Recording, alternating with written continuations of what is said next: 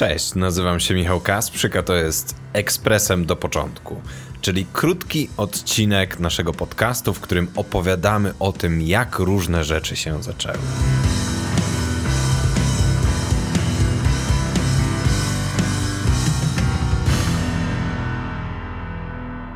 Ręka do góry, kto próbował swoich sił w blogowaniu, na Instagramie, na YouTubie lub w podcastowaniu.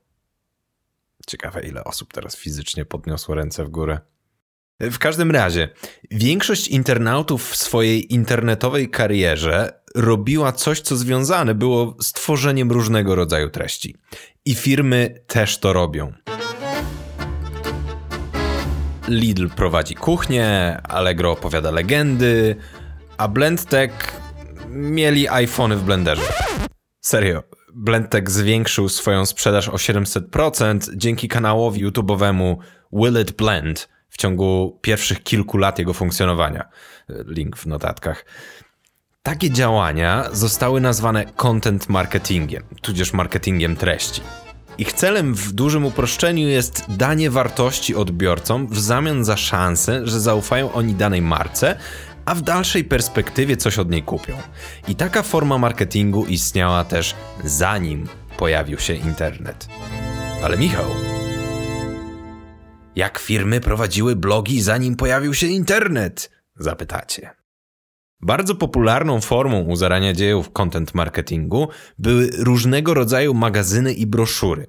Najbardziej klasycznym przykładem jest przewodnik Michelin, o którym teraz więcej nie powiem, bo jego historia jest tak ciekawa, że zostawię go na mój następny ekspres. Nie był on natomiast pierwszy. Przed nim powstał magazyn The Furrow. Można to tłumaczyć jako bruzda, taka w ziemi. Powstała po oraniu. I ta nazwa ma sens, jeśli dowiemy się, że magazyn ten był tworzony przez firmę John Deere, produkującą m.in. sprzęt rolniczy. Magazyn zawierał informacje, które miały pomóc farmerom osiągać większe zyski. I wiecie, co jest najbardziej niesamowite? Że powstał w 1895 roku i dziś, 124 lata później, wciąż się ukazuje. Według różnych źródeł trafia do 1,5 do 2 milionów ludzi na całym świecie. Doczekał się też wersji online, którą linkuję w notatkach. I przez wielu The Furrow jest uważany za pierwszy przykład content marketingu. Ale to chyba nie do końca prawda, bo nawet 7 lat wcześniej, więc w 1888 roku, swój content wypuściła firma Johnson Johnson, której zawdzięczamy dzieciństwo bez szczypania w oczy w trakcie mycia włosów za sprawą szamponu Johnson's Baby. Ich pierwsza publikacja nazywała się współczesne metody antyseptycznego leczenia ran. I zakładam, że nie muszę mówić, co w niej było, ale dodam, że była kierowana do lekarzy. Ale i to prawdopodobnie nie była pierwsza próba wykorzystania marketingu treści. Nawet nie jesteśmy blisko, bo musimy się teraz cofnąć o ponad półtorej stulecia. W międzyczasie oczywiście kilka firm wykorzystywało content marketing, ale poczytacie o nich więcej w artykule, który dodaję do notatek. A my przejdźmy do początku, do roku 1732, a konkretniej 28 grudnia.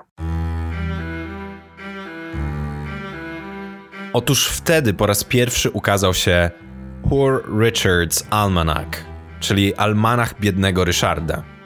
Almanach ukazywał się co roku przez 25 lat i w szczytowym momencie wypuszczał 10 tysięcy egzemplarzy rocznie. Publikowany był w kolonialnej Ameryce, więc jeszcze przed utworzeniem Stanów Zjednoczonych. Zawierał m.in. sezonową prognozę pogody, wskazówki dotyczące prac domowych, łamigłówki, wiersze i złote myśli jego autora. A można uznać go za przykład content marketingu, bo najprawdopodobniej był tworzony, żeby promować biznes autora, drukarnię. I tak mówię o tym autorze, a podejrzewam, że znacie go. Był jednym z ojców założycieli Stanów Zjednoczonych, ale w Polsce bardziej kojarzymy go przez pryzmat jego pracy nad elektrycznością, wynalezienia piorunochronu i eksperymentów z latawcem w trakcie burzy. Okazuje się, że pierwszym content marketerem mógł być Benjamin Franklin. Według naszego planu publikacji mój następny ekspres będzie za 4 tygodnie i zamierzam wtedy opowiedzieć więcej o przewodniku Michelin. Następny odcinek do początku już za tydzień. A w międzyczasie olbrzymia prośba. Jeśli uważacie, że ten podcast to dobry content, to proszę poszerujcie go w social mediach. Link do wszystkich miejsc, gdzie podcast jest dostępny, znajdziecie na dopoczatku.pl. Dziękuję. Ten odcinek Ekspresem do początku został wyprodukowany i zedytowany przeze mnie, Michała Kasprzyka. Krzysztof Nowak jest współtwórcą tego podcastu. Muzyka w intro to sprawka zespołu Sheila. Dzięki i do usłyszenia za tydzień.